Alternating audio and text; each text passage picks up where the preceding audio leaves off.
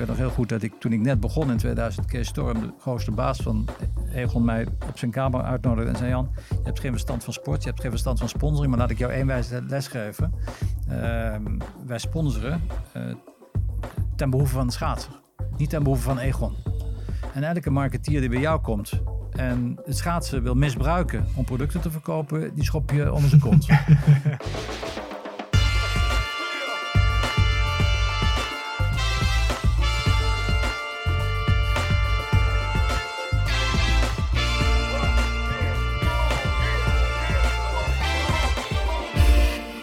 Goedemorgen, goedemiddag, goedenavond of wanneer je dit ook luistert. Welkom bij weer een nieuwe aflevering van The Brief, een podcast over content, marketing en creativiteit in de breedste zin. Uh, aflevering 83 vandaag en deze ga ik natuurlijk niet alleen opnemen, maar dat doe ik samen met mijn steun en toeverlaat Gerben. Hey Matthijs. Hoe is het? Goed, met jou? Ja, lekker. Goed zo, goed zo. Heb je er zin in? Ik uh, heb hier wel zin in, ja. Het wordt een bijzondere aflevering. Ja, we hebben een, eh, een, een mooie gast, al zeg ik het zelf. Uh, ik denk ook met de, een van de langste intro's die we ooit uitgesproken hebben. Oh jee. Het CV. Ja. ja. Uh, deze, de beste man begon zijn carrière namelijk als journalist en verslaggever bij NOS naar de KRO. En interviewde daar onder andere groten der aarde als Nelson Mandela en de Dalai Lama. Waar we straks stiekem ook echt nog wel eventjes naar gaan vragen hoe dat was. Um, stapte toen over om communicatiedirecteur te worden bij Egon. Um, daarnaast, alsof het nog niet druk genoeg was, deed hij ook in 2006 en 2007 uh, uh, de campagne voor de VVD, voor Mark Rutte. Um, in 2014 was het genoeg bij Egon en begon hij voor zichzelf. Uh, en sinds die tijd is hij eigenaar van Q&A Communicatie. En in al die tijd had hij ook een, een imposant aantal nevenfuncties bij onder andere AT5, de Bond van Adverteerders, de Sportraad Amsterdam, het Prins Beatrix Spierfonds en het Van Gogh Museum.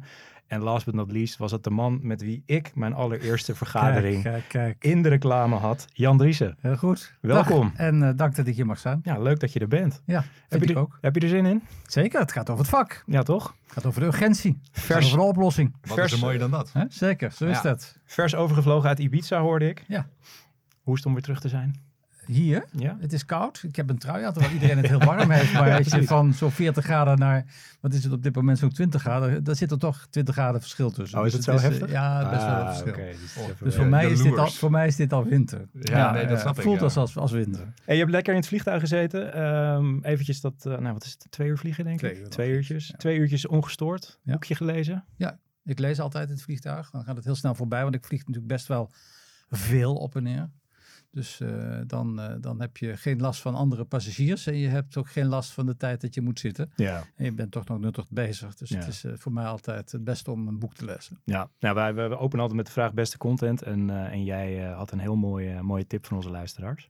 Ja, toen jullie dat net vroegen. Wat is nou de, de, meest indrukwekkende content die je, die, je, die je tot je genomen hebt de afgelopen tijd? En het is niet alleen de afgelopen tijd, maar echt de afgelopen jaren. Misschien wel de afgelopen 60 jaar. Want ik ben nu 60 jaar. Ik heb eigenlijk nog nooit zo'n goede content gezien, eh, gelezen. En het is Homo Deus. Het is de kleine geschiedenis van de toekomst. Dan Yuval Harari, eh, die ook eh, Homo Sapiens geschreven heeft. Het ontstaan van de mensheid, het ontstaan van onze, onze cultuur en wie we zijn. En nu heeft hij eh, Homo eh, Deus geschreven, God. Eh, en dat verklaart eigenlijk heel veel van de zaken die we om ons heen zien gebeuren. Ehm, we zijn welvarender dan ooit. Eh, we hebben eh, de armoede opgelost. We hebben de honger eigenlijk opgelost. Diegene die nog honger, er is natuurlijk nog wel honger op de, de, de aarde, maar dat is toch allemaal door politiek gedreven. En dan heeft andere oorzaken dan vroeger. Ehm, en, en, en, en nu zijn we eigenlijk bezig om, om nieuwe, hè, als, je, als je geen honger meer hebt en je bent niet meer bang voor de dood en je bent niet meer bang voor, voor, voor, eh, om ziek te worden. ehm, dan heb je je basisbehoeften vervuld. En Mhm. dan word je eigenlijk ontevreden. Want wat is dan je bestaansrecht als mens? Mhm. Ehm, en dat bestaansrecht, dat beschrijft hij heel, erg goed. Dat zal gaan naar onsterfelijkheid. Ja. Naar een soort van, van, van, van eeuwige verliefdheid. eh, naar eh, nieuwe zaken die ons super intelligent gaan maken. Eh, met allerlei nieuwe technieken waar we nu nog geen voorstelling van hebben, maar die er eigenlijk al wel zijn.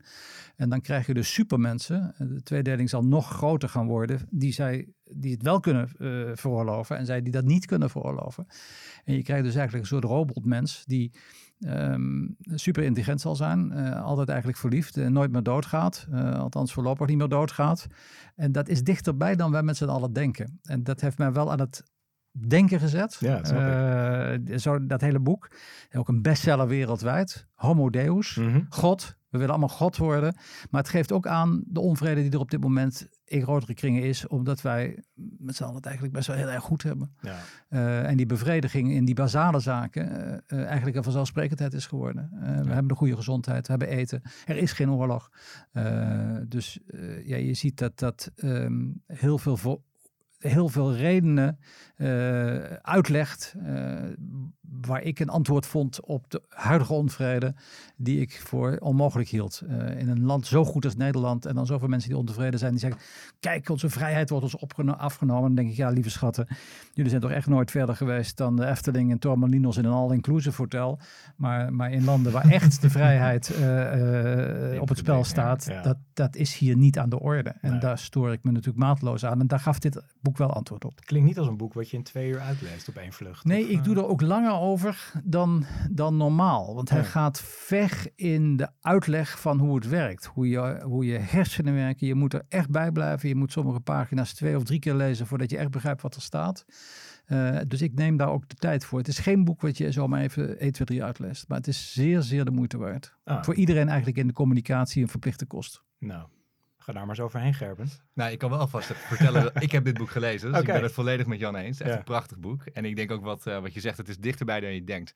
En het probleem met, met mensen vaak is dat ze heel slecht kunnen inschatten hoe trends verlopen. En zeker als trends exponentieel zijn, dan is het heel lastig om die, die rechte lijn die je vanuit het verleden ziet, om die in één keer eh, op de toekomst te plotten. En die lijn die is natuurlijk ook niet recht als iets exponentieel gaat. Dus ik denk ook dat eh, het toekomstbeeld wat, eh, wat deze schrijver schetst inderdaad mm, best wel eens dichtbij kan zijn. Maar Een heel, heel, heel bijzonder boek. En je ziet dat mensen die dicht bij dit soort tut eh, topwetenschappers staan, als Elon Musk en zo, Ja. hè, die, die weten wat er op dit moment speelt, die kennis van zaken hebben, die waarschuwen de mensheid ook ontzettend. Denk wat er kan gebeuren met robots die veel intelligenter zijn dan wij, die elkaar eh, kunnen vermenigvuldigen in een snelheid die wij niet kunnen bijbenen. En dan worden wij dadelijk opeens de dieren van die robots, hè, die in hokken geplaatst worden. En, en dat klinkt heel erg abstract en ver weg, maar het is veel dichterbij. En daarom dat Elon Musk nu ook zelf begonnen is om dit soort robots te ontwikkelen. Want zei, als andere mogendheden dat dadelijk gaan doen, eh, dan, dan moeten we daar toch wel een antwoord op hebben. Ja. Hmm. Ik zet hem op mijn lijstje als volgende Homo. Deus. Ja. Lijkt me heel verstandig. Wat wil jij tippen, Ger? Nou, ik kan hier niet overheen. Ik ga ook gewoon een compleet andere hoek en een andere kant ga ik op. En ik ga een klein beetje eh, eh, een kleine shout-out doen naar werk wat wij bij het bureau hebben gemaakt eh, de laatste tijd, bij William Parker Kent. Wij zijn de afgelopen weken druk bezig geweest met werk maken voor, voor TikTok. Het grootste upcoming social netwerk ter wereld eigenlijk wel. En TikTok is vooral bekend onder vele van, eh, ja, van, van onze luisteraars, denk ik ook, als het platform voor, voor lipzinken en, en waar wat jongere mensen zich bevinden, die dansjes doen en dat soort dingen. En porno, hè? Dat eh, is mij niet bekend, maar dat, eh, dat zou zomaar kunnen. Ja, ik denk even die product placing eh door, door, doorbreken. Heel goed, Ja. heel goed. Maar ehm, nee, TikTok wil zich steeds meer gaan profileren als een platform ook voor educatie. Dus de content, als je goed op het platform zoekt, dan vind je ook echt wel op een frisse, jonge manier gebrachte edu- educatieve content. En dat willen ze gaan, ja, dat willen ze nog groter gaan maken, dat, dat onderdeel van het platform. Daarom zijn ze nu partner van Dit Sustainable Fashion Week. Eh, ook een mooi, eh, mooi initiatief. En in het kader daarvan hebben wij bij Wayne Park Kent hebben wij, ehm, ja, een campagne bedacht om dat, eh, dat partnership invulling te geven. Dus er is een evenement geweest. We hebben een, eh, een aantal livestreams gedaan op, de, op het platform. Waarin we mensen, ja, pioniers uit de wereld van de sustainable fashion, eh, een, ja, een podium hebben gegeven. En super interessant, heel veel van geleerd. En eh, ja, leuk om gewoon eh, met dit soort nieuwe initiatieven bezig te zijn. Ja, Dit heet wel ongegeneerd reclame maken. Hè? Klopt. Ja, ja, ja. ja, ja, ja, ja. Het is ons platform. ja. Ja, Zit je op TikTok? Ik, ik, bekijk het allemaal. Dus je Ik probeer dat allemaal ook bij te houden, maar ik ben echt van de Twitter. Eh, en stuur tweets eh, die dan soms opeens tot mijn stomme verbazing een bereik halen van 600.000. Dat is ongepleit. En dan zie je ook wel de impact die het heeft. TikTok gaat natuurlijk nog veel sneller eh, en, en, en aanharder. Dus ja, het zijn ehm, ook voor de klanten die ik op dit moment heb, toch allemaal eh, nieuwe ontwikkelingen, redelijk nieuw, waarin we de slagkracht proberen te halen en het echte contact wat je met ouderwetse reclame had. Miljoenen hè, hadden we daar een bereik. Om datzelfde bereik te halen is veel, veel lastiger, moet ik zeggen, op dit platform. Maar als je dat dan ook echt hebt, eh, je- het zijn heel veel losse kralen eigenlijk. Die ketting hebben we nog niet gevonden als communicatie. In zijn totaliteit ben ik bang. Eh, maar het zijn wel hele interessante ontwikkelingen. Zeker als het negatief gaat, want dan explodeert het. ja. Hey Matthijs, om hem af te sluiten met jou. Ja, Wat mag is- ik ook nog? Jij mag ook nog. Wat is de, de beste content die jij de afgelopen weken hebt gelezen, Nou, ik heb, gezien? Ik heb ook wel een goed boek gelezen op vakantie. Dat is alweer een weekje of drie geleden. Het wordt weer tijd voor een nieuwe vakantie. Eh, dat is het boek dat heet De Slag om Europa van eh, Rob de Wijk. Ehm, dat gaat eigenlijk over dat eh, wij zijn heel negatief over Europa in, in Europa. Eh, politiek wordt dat natuurlijk heel erg gepusht door, de, door de, de, ja, de, de rechterkant, om het maar even zo te zeggen. En daarin spelen China en Rusland een hele grote rol. En, en Trump heeft met Amerika natuurlijk ook afstand genomen van Europa. Ehm, en dat wordt heel mooi beschreven wat daar speelt. Mhm. Ehm, maar zonder al te veel weg te geven, is dat eigenlijk een goed ding. En eh, je begint aan het boek dat je denkt van, oh, we gaan naar de kloten, wat gaat er hier nog gebeuren? Maar in die end eh, is de conclusie dat eh, Europa eigenlijk sterker is dan ooit. Een, een heel mooi eh, project, wat, wat enorm krachtig is in de wereld. Wat wij zelf helemaal niet beseffen. En, en dat Europa stiekem toch wel eens het continent van de toekomst zou kunnen zijn. En ja, dat, dat vond ik wel echt een, een heel goed boek om te lezen. En heeft ook echt wel mijn blik op, op de Europese politiek veranderd. En in goede zin. Dus Nice. ik ben meer Europa-fan door het lezen van dit boek. Oké, dus dat is mijn tip. Mijn interesse is gewekt. Nou, Alright. Ja. nou, Rob is een hele ontzettend goede vent. Ja, nou, maar dat, en, en gewoon ook eh, waar, waar Hariri best wel zwaar kan schrijven, lees dit echt bijna als een soort jongensboek. Maar zo goed en, en zo goed geïnformeerd. En ja, deze man die spreekt gewoon met, met de hogere eh, mensen uit de communistische partij in China. En het is echt, ja, het is echt een heel goed, heel goed boek. Dus, eh, dus ga het lezen. Nice, goeie.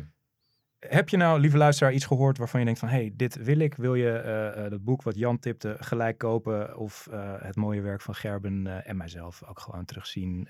of het boek van Rob kopen? Dan kan je dat doen op onze website bij de show notes. Daar zetten we altijd netjes links in naar, naar alles wat we hier bespreken. Dat kan je doen op thebrief.nl. Ga daarheen en je vindt er alles.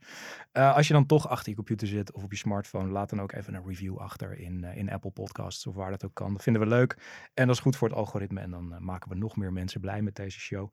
Eh, en heb je nou zoiets van, hey, eh, ik wil echt iets kwijt aan jullie en dat wil ik direct doen. Dan kan je ook mailen naar hello at thebrief.nl en dan krijg je sowieso antwoord van Gerben, van mij of van Alessio. Want die zit daar ook gewoon volle bak bovenop elke dag. Ehm, nu we dat gezegd hebben, gaan we lekker door naar het interview. Alright, we gaan beginnen, het interview. Eh, Jan, reputatiemanagement, dat is iets waar jij eh, ja, je carrière op, eh, op hebt gebouwd. eh, van zowel politici als van bedrijven.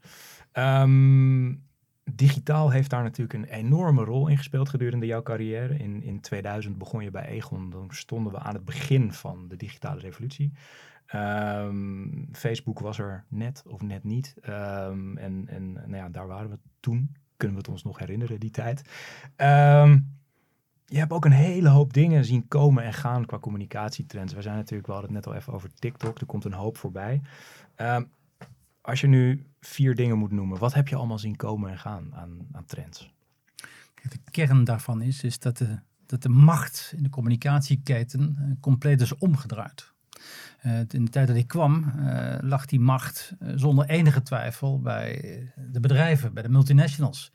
Eh, toen ik begon bij Egon was er 80 miljoen gulden beschikbaar voor communicatie, eh, voor, voor, voor informatiecampagnes eh, aan onze klanten, voor commercials, voor sponsoring. Wij hadden de macht om die boodschap van ons over te brengen, één op één aan een hele grote groepen. En de klant of de medewerker had die middelen niet. Dus de, de, de, de, de, de weegschaal in diegene die de meeste invloed had in die communicatieketen, die lag bij de bedrijven. Die is in deze jaren dat ik daar voor verantwoordelijk was, compleet omgeslagen.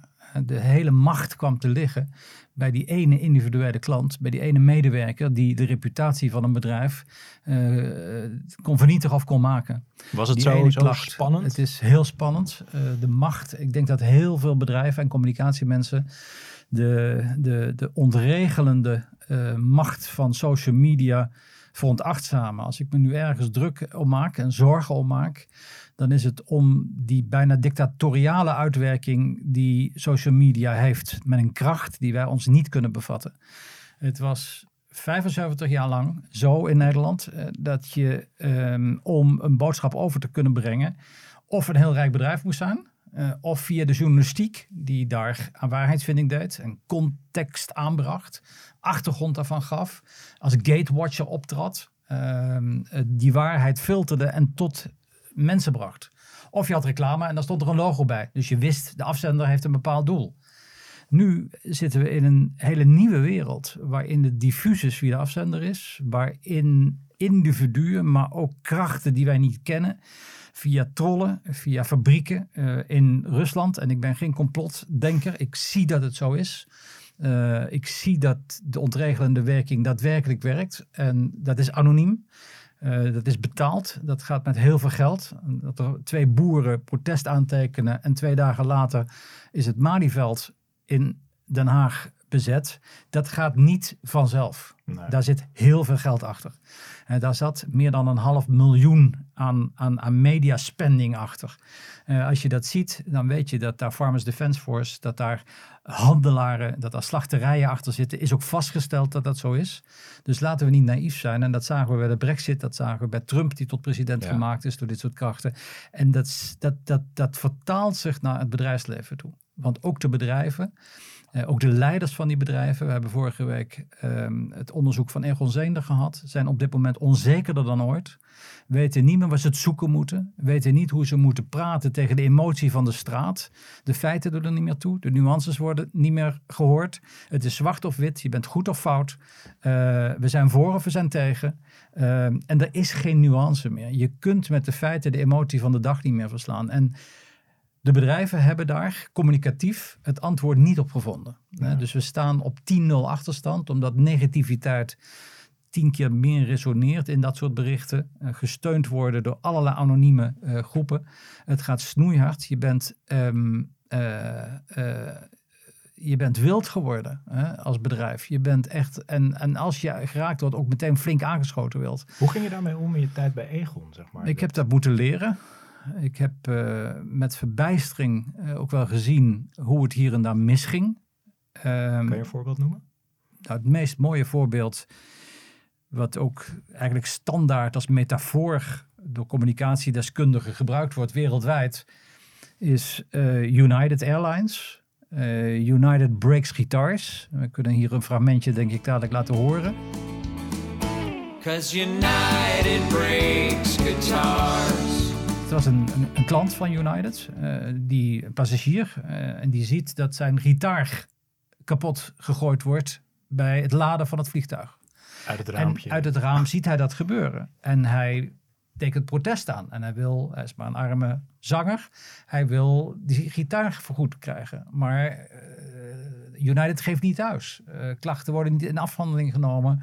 Hij krijgt geen echt contact met het bedrijf. Het bedrijf blijkt een heel oud en archaïs bedrijf te zijn. En het enige wat hij na een jaar kan doen, is een liedje posten op Facebook. United Breaks Guitars. En dat liedje explodeert op social. En als je nu naar social gaat, dan zie je dat dat in Amerika alleen al uh, 60 miljoen keer bekeken is. En hij zat in elke show uh, uiteindelijk. Maar toen hij pas in de shows kwam in Amerika, drong het tot United door dat er op, op, op, op, op social iets gebeurd was. was. Ja. Dus bedrijven die zich niet bewust zijn van wat er gebeurt. En ze hebben dat twee keer herhaald. Het is twee keer heel erg goed misgegaan bij United. Toen kwam er uh, uh, dat ze United moesten, moesten, moesten uh, straffen daarvoor. Eh, dus, dus, dus annuleringscampagnes werden opgezet. Eh, United is daar bijna aan failliet gegaan. Dus één klant was in staat om een luchtvaartmaatschappij als United tot aan de rand van het faillissement te brengen. En dat is wel een hele goede waarschuwing geweest eigenlijk voor alle directeuren communicatie wereldwijd. Van jongens, ben nou alert. Daarom hebben het ook heel veel bedrijven. Hebben war rooms, waar nu eh, standaard uh, social media wordt gemonitord. Webcare teams die daar direct op moeten antwoorden. Uh, dat moet dan ook binnen een bepaalde tijd gebeuren. Er, is een, er zijn enorme stappen genomen. Maar tegen dit soort van, van geregisseerde, betaalde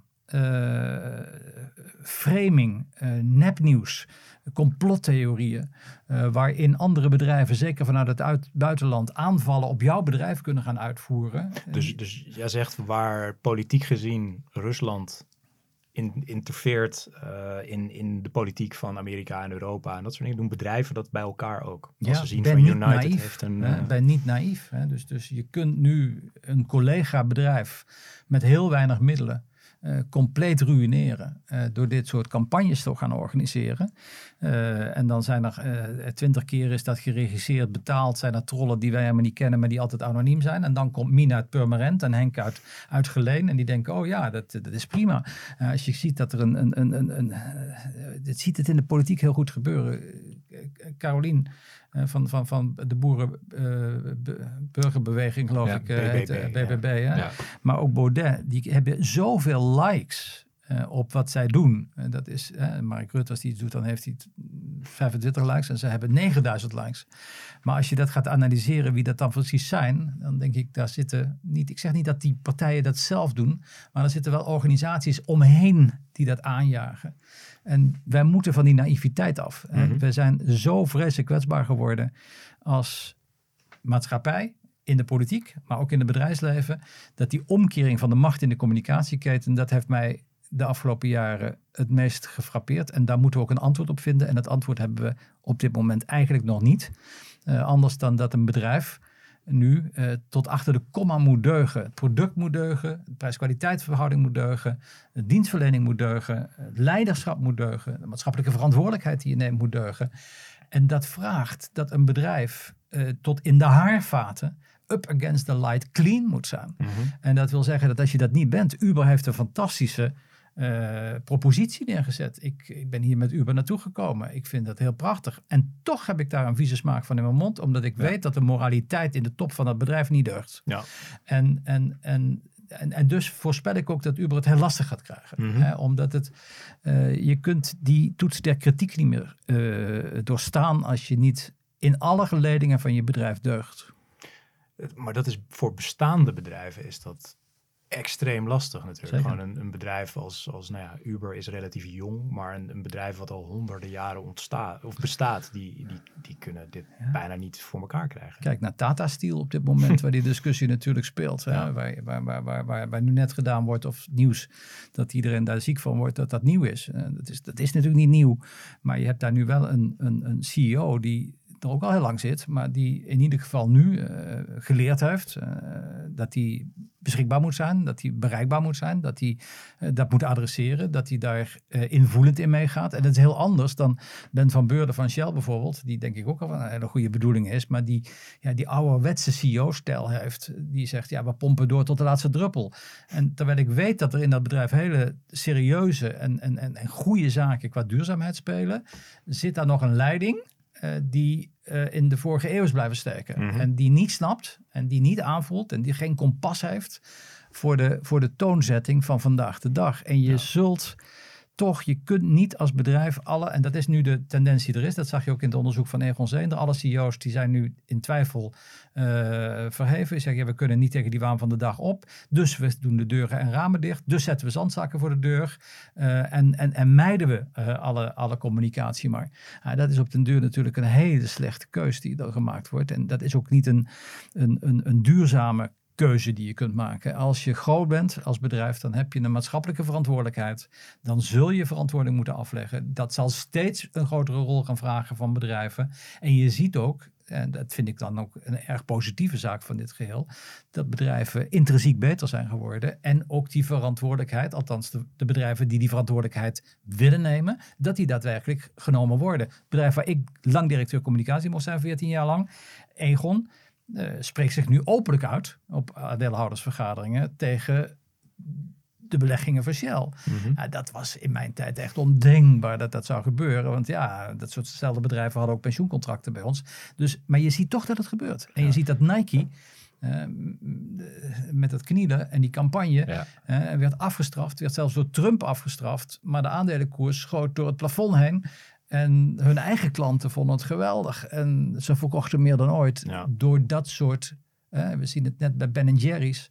Uh, heel veel kritiek geweest op Ben Jerry's, omdat ze in de bezette gebieden in Israël uh, in dat conflict gekozen hebben. En zeiden: dan gaan we daar in die gebieden in Israël niet meer Ben Jerry's verkopen. Ja, het paste helemaal bij de visie van het bedrijf. Het paste helemaal in alle andere uitspraken die ze ooit gedaan hebben. Zou erg ongeloofwaardig zijn als ze dit niet deden. Ja. Dan moet je wel consequent zijn. En Ja. dat in andere situaties ook doorvoeren. Daar waar het daadwerkelijk pijn doet. Ja. Ja, daar blijven ze dan nog achter. Dus het, het, is, het is wel een afweging die je maakt. Ga je daarin, hoe ver ga je daarin? Eh, maar ik ben ervan overtuigd dat bedrijven niet meer wegkomen met eh, wij zijn alleen maar een bedrijf, we maken winst. Nee, die, dat citizenship, zoals dat dan heet, je, je, maatschappelijke positie als bedrijf wordt steeds belangrijker. Wil ik bij dat bedrijf horen, ja dan nee. Je noemt nu een paar bedrijven die het goed doen. Maar er zijn nog meer bedrijven die zich wel in de communicatie wel uitspreken en, eh, en wel stelling nemen, zeg maar, in maatschappelijke debatten. Maar is dat voor heel veel bedrijven dan ook niet gewoon puur een soort van camouflage en een soort van eigenlijk alleen maar voor de bühne? Als het, eh, als het window dressing is, en ik heb die periode natuurlijk meegemaakt, toen duurzaamheid opeens opkwam en er opeens een GRI-index kwam. Dat was de duurzaamheidsindex, die zit dan toevallig ook nog in Amsterdam ook. Dat werd de wereldwijde index van duurzaamheid. Waar moest je aan voldoen als bedrijf? Eh, bleek opeens dat eh, commissarissen, de CEO's en de besturen eh, mede hun bonus lieten afhangen van de, de hoogte van de GRI-index. Oké.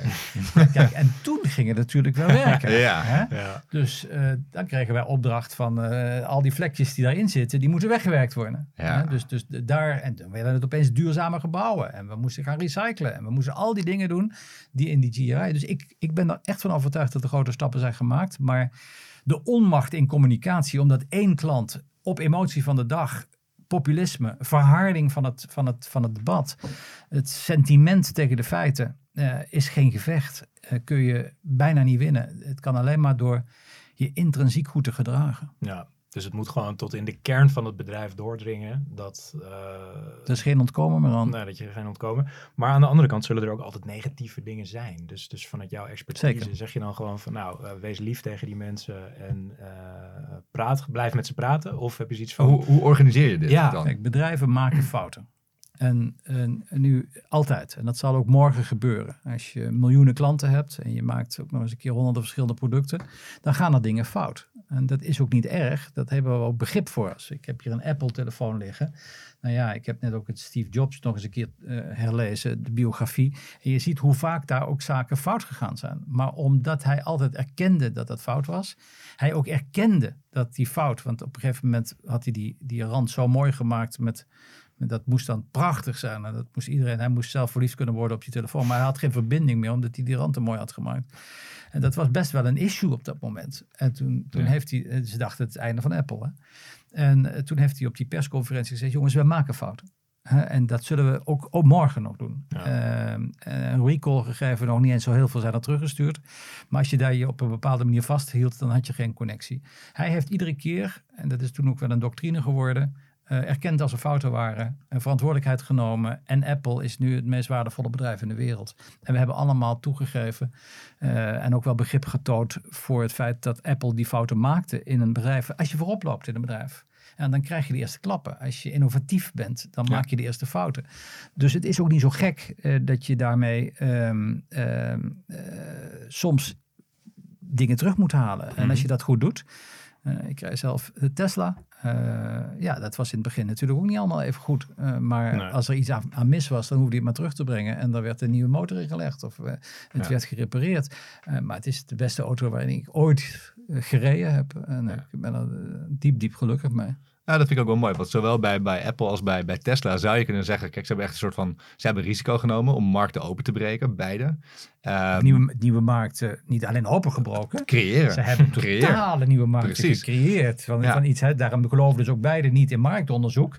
Hè, dus, eh, marktonderzoek, eh, donder op met je marktonderzoek. Ja. Als mensen een nieuwe auto willen, dan willen ze een snellere auto, maar nooit een elektrische auto. Of ze hadden een telefoon met een langere kabel willen hebben, maar in ieder geval nooit dit, hè, wat ik hier in mijn hand heb, Ja. zo'n computer. Dus hè, als ik naar marktonderzoek had geluisterd, dan was er in ieder geval nooit een iPhone geweest, nooit een iPad geweest. Er was er nooit zoiets geweest. Dat was altijd afgekeurd. In de geest van Henry Ford. eh, Ja, had Ja. voor te willen ze snel apart. precies. Dus dit, dit, dit, is, dit is iets wat, wat, wat, wat visionair eh, Ja. eh, Ja, het goede van, van deze twee bedrijven vind ik dan dat zij, ze hebben die markten gecreëerd, ze hebben fouten gemaakt. Je, je kan dan ook op je, oh, ja, onderuit gaan en gewoon ingehaald worden door concurrenten die, die wellicht jouw model kopiëren, de markten bestormen. Maar allebei blijven ze toch, omdat ze zo ook geloven in perfectie en zo uiteindelijk ook gewoon hun producten blijven verbeteren, blijven ze toch wel bovenaan die, die, die markt staan. Ja, Dat- beide dat- hebben een filosofie dat, dat, dat, dat het product wat ze hebben, dat dat iets anders is dan het product zelf. Precies. Eh, of het gaat over schone wereld. Die, die, die, hè, eh, Trump, of de, Trump, eh, Musk denkt dat, dat, dat, niet, dat de wereld niet meer te redden is. Hè? Dus hij gaat naar, naar Mars. Hij wil, hij wil elektrische vervoerssystemen hebben.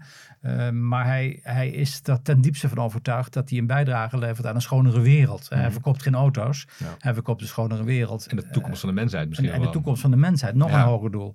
En je ziet dat, dat, dat een, eh, Steve Jobs, eh, die, ja, dat, dat, die kwam terug in zijn bedrijf. Dat bedrijf was, dat lag op zijn god. Dat eigenlijk was, ik kan het niet voorstellen, maar Apple was op een haar na dood. Ja. Eh, toen hij teruggehaald werd, ehm, want hij was ontslagen Ja. en eruit gezet. En toen zei hij, ja, maar waar zijn we in godsheersnaam mee bezig? We hebben, ik weet niet hoeveel producten. Hij heeft dat teruggebracht door een aantal kernproducten. En ik wil, het niet, ja. ik wil het niet over die boxes hebben, zei hij. Eh, we maken de beste boxes, hè, de beste doosjes. En de ene is dan, dan een iPad en de andere is een, is een iPhone. Hij zei, dat wil ik niet hebben. We zijn- wij doen dat beter dan de concurrentie. Maar het gaat om een, om een beeld. Hè. Een think different is toen ontstaan. Hè. wij zijn er voor mensen die zaken anders doen. Hè. En, en, en, en die grote die die toen geëerd heeft, daarvan zei hij, ja, die zouden altijd een Apple hebben gehad en nooit iets anders, omdat wij het mooiste en het beste product maken. Eh, en, en, en, en dus diegenen die, die echt anders zijn, de gekken van deze wereld, zouden altijd Apple gehad hebben. Dus het is voor mij ook ondenkbaar dat ik iets anders dan een Apple. dus, en, of de Tesla. Dus je bent, Ja. je bent, ja, je wordt ook echt fan van dat merk. Ja. Ehm, Ja. En dat komt omdat die mensen tot ook achter de komma persoonlijk moraliteit hebben. Die, die, hè, het, is, het, zit in de, het, is niet een, het is niet oppervlakkig. Het is geen windowdressing. Dit is gemeend bij beide. Hè, dat zit zo in hun hele leven. eh, dat hij er zelf aan overleden is natuurlijk, eh, Steve Jobs. Maar, Ja. maar, maar als je dat niet doet, en dat zie je bij Uber, dat voel ik bij Uber. Hè, dat is geld gedreven, dat is winst maken, dat is, dat is zijn feest en partijen. En, dat, daar zit een, een, een moraliteit die ziek is in, dat bedrijf, in de top van het bedrijf. En dat, dat haal je niet zomaar weg. Als de cultuur fout is, dan, Ja. dan mag je nog zo'n goed product hebben. Want het is echt een fantastisch product. Maar als je niet goed omgaat met je, met je chauffeurs, dan uiteindelijk red je dat niet. Als eigenlijk een chauffeur klaagt over Uber, waar je in een Uber, eh, en dat is Ja. echt nu het geval, eigenlijk een chauffeur klaagt over Uber. Ja, dan, gaat, dan gaat je ervaring. Dan, ja. gaat je ervaring natuurlijk toch wel weg. Ja, nou, dat slechte gevoel wat je, daar, wat je daaraan overhoudt. Ja. Ehm, je bent natuurlijk ook veel met politiek bezig geweest. Dat hebben we net ook al Nog. tussendoor een beetje gehoord. Nog steeds. Ehm, wat kunnen merken leren van politieke partijen? Kijk, de meest, eh, de meest persoonlijke campagne, eh, de meest eh, merkpersoonlijke campagne is een politieke campagne. Het gaat om het merk van de lijsttrekker. Het gaat om de geloofwaardigheid en het gedrag van de lijsttrekker. Dat is nergens zo. Hè. Geen enkele CEO wordt zo persoonlijk afgerekend eh, op het functioneren van een bedrijf als de lijsttrekker van een politieke partij. Is dat ook, sorry ik je onderbreek, de reden dat, dat op die postertjes die altijd overal door de stad staan, altijd de gezichten van de lijsttrekkers staan? Bijna altijd. En in deze campagne bij GroenLinks niet, bij de SP niet. En dat zijn beide partijen die het niet zo heel best gedaan Nee, hebben. niet zo goed gedaan. Als je dan denkt, ja, wat, wat moeten we met Jesse Klaver? En is dat nou wel de, de lijsttrekker? Of is dat toch een beetje de, de, de, de, de Barack Obama-kopie? Ja. Ehm Ja, Trudeau hebben ze letterlijk Trudeau heeft hij, heeft hij Ja. gekopieerd met de witte mouwen. En Ja, dat leek weer op Barack. Obama. Dus, dat, ja, dat, hè, dus je moet authentiek zijn. Maar wat bedrijven kunnen leren van politiek is verantwoordelijkheid nemen. Is, en het is gek deze tijd dat ik dat zeg, maar dat doen ze wel. hè. Ik, ik, ik ga niet mee in dat frame van populistisch Nederland. En dat de verantwoordelijke politici op dit moment geen verantwoordelijkheid zullen nemen. We hebben, eh, dat, dat, dat, dat sprak ook de koning namens het kabinet uit. Eh, maar, maar net in de troonrede. Maar we hebben een fantastisch land. Eh, als je kijkt naar de lijstjes waarin wij staan, dan staan wij. Als je aan iedereen vraagt op dit moment in Nederland. eh, je mag nu kiezen. Waar in de geschiedenis? Eh, op welk moment in de geschiedenis? Waar zou je willen wonen? Dan zegt iedereen nu en hier in Nederland. En toch klaagt iedereen steen en been. Ja. Dus eh, daar moeten we niet in mee willen gaan. Wat bedrijven kunnen leren van die politiek is dat je eh, in een ongoing communicatie, in een, in een continue dialoog met je, met je kiezers. Campagne bij, bij, bij politieke partijen gaat erover om je eigen achterban natuurlijk te bewaren en aan je te binden en twijfelaars over te halen om op je te stemmen. Dan, Ja. dan, dan, dan, dan. En, en ja, het is, het is eh, Cicero in 2000 en wat is het nu? Eh, 21. eh, 21, eh, maar dat was 40 jaar, dus 260 jaar geleden, 2060 jaar geleden, was er Cicero, die voor zijn broer Marcus, die, die toen consul van, van, van Rome werd, een communicatieboekje heeft geschreven over campagnes. En die zei, je moet jezelf neerzetten als de leider. Je moet de anderen besmeuren en je moet alles beloven eh, wat je maar beloven kan. Ja, dat is nog steeds de kern van de politiek. Alleen het moet nu ook nog een keer kloppen. Het moet ook nog met bewijsvoering onderbouwd Mhm. worden. Dus Ja. het is, maar de kern is hetzelfde gebleven. Iets complexer. Is het nou ook zo dat, dat eh, in de politiek, zoals je hebt, worden de campagnes gemaakt op basis van wat de partij oprecht belooft? Of wordt er gekeken welk sentiment leeft er in het land? En daar gaan wij een partij op bedenken. Of een eh, programma op bedenken. Hoe, hoe werkt die dynamiek? Kijk, het is eh, eh, evident dat er op dit moment gekeken wordt naar wat er leeft in de maatschappij. Meer dan het ooit zo gedaan is. Dus die, die, die, die, die, die, die onderzoeken, allerlei kiezersonderzoek, is heel groot. Als je kijkt naar de documentaire over de brexit eh, en zo, de, de harde campagne die daar gevoerd is, daar hebben ze echt gekeken wat de grootste, meest basale angsten van de Engelsen zijn geweest. En dat was natuurlijk buitenlanders en de invloed en het gebrek aan eigenheid en de ongelijkheid. En daar is een campagne op gemaakt vol met, met, met, met valse beweringen. Formele campagne heb ik het hierover betaald, eh, mede door de overheid. Dus de, de aanhangers van de brexit. En die hebben uiteindelijk ook gewonnen. Dus het werkt ook nog eens een keer heel effectief. Ehm, eh, je ziet het bij Trump is precies hetzelfde gebeurd. hè. Mhm. Die heeft een ontzettend goed gevoel bij wat de onderliggende angsten zijn in een samenleving. En als je daarop uh, op, op, op, op, uh, op duwt, uh, het licht erop zet, ja, dan krijg je aanhang. Dat zie je hier de populistische partijen. Het is niet voor niks dat die boer- en burgerbeweging nu groter is geworden dan, dan, dan, dan, dan het CDA is geworden. Dat is een hele enge ontwikkeling. Want het zou moeten gaan om de intrinsieke motivatie herhaal dat nog maar eens een keer, dat begrip, um, uh, van een politieke partij. Het daadwerkelijk onderscheidende vermogen wat die politieke partijen... Ik ben VVD'er en ik ben VVD'er omdat ik sta voor vrijheid, voor ondernemerschap. Voor in ieder geval proberen om in je eigen onderhoud te voorzien. Door het maximale uit het leven te halen en dat samen te doen. Um, en die vrijheid van anderen daarin ook te respecteren. En ja, een vangnet te hebben voor diegene die ziek is en er, er verder niks aan kan doen. Maar niet een subsidiefabriek te willen zijn zoals de PvdA. Eh, omdat dat, dat creëert alleen maar lamlendigheid in een, in, een, in een samenleving. En die haalt elke vitaliteit eruit. Dus ik ben wel in hart en nieren liberaal. En, mm-hmm. en dan blijf je ook bij zo'n club. Dus zo'n campagne, die moet ook dat hogere doel, concrete doel, de waarde, en uh, blijven, die moeten daar trouw aan zijn. En dan maar moet een leider zijn. Toch? Dat, nou, dan dat... moet een leider zijn. En, en iedereen vraagt zich af, ja, hoe kan het nou toch dat, dat ook zelfs na de verkiezingen, hè, Mark Rutte heeft na tien jaar een ruimer mandaat gehaald om door te gaan als premier. Hij is uh, ook na de verkiezingen in de peilingen gewoon gestegen, terwijl dat bij het CDA uh, gehalveerd is. Terwijl ook nu, ik geloof, mevrouw Kaag op min 6 staat, na de verkiezingen. maar je ziet dat, dat, op de een of andere manier Mark Rutte toch heel trouw blijft, in alle bescheidenheid, aan zijn eigen idealen. Mm-hmm. En dat wordt toch herkend. Ik heb het niet over die, die, die, die Twitter-fanaten en al die, al, al, al die trollen die erop zitten, maar ik heb het wel over um, uh, de kiezer in zijn algemeenheid. En daarom stijgt hij en is hij ook de grootste partij op dit moment, omdat hij daar heel trouw aan is en ook de verpersoonlijking is van het liberale gedachtegoed.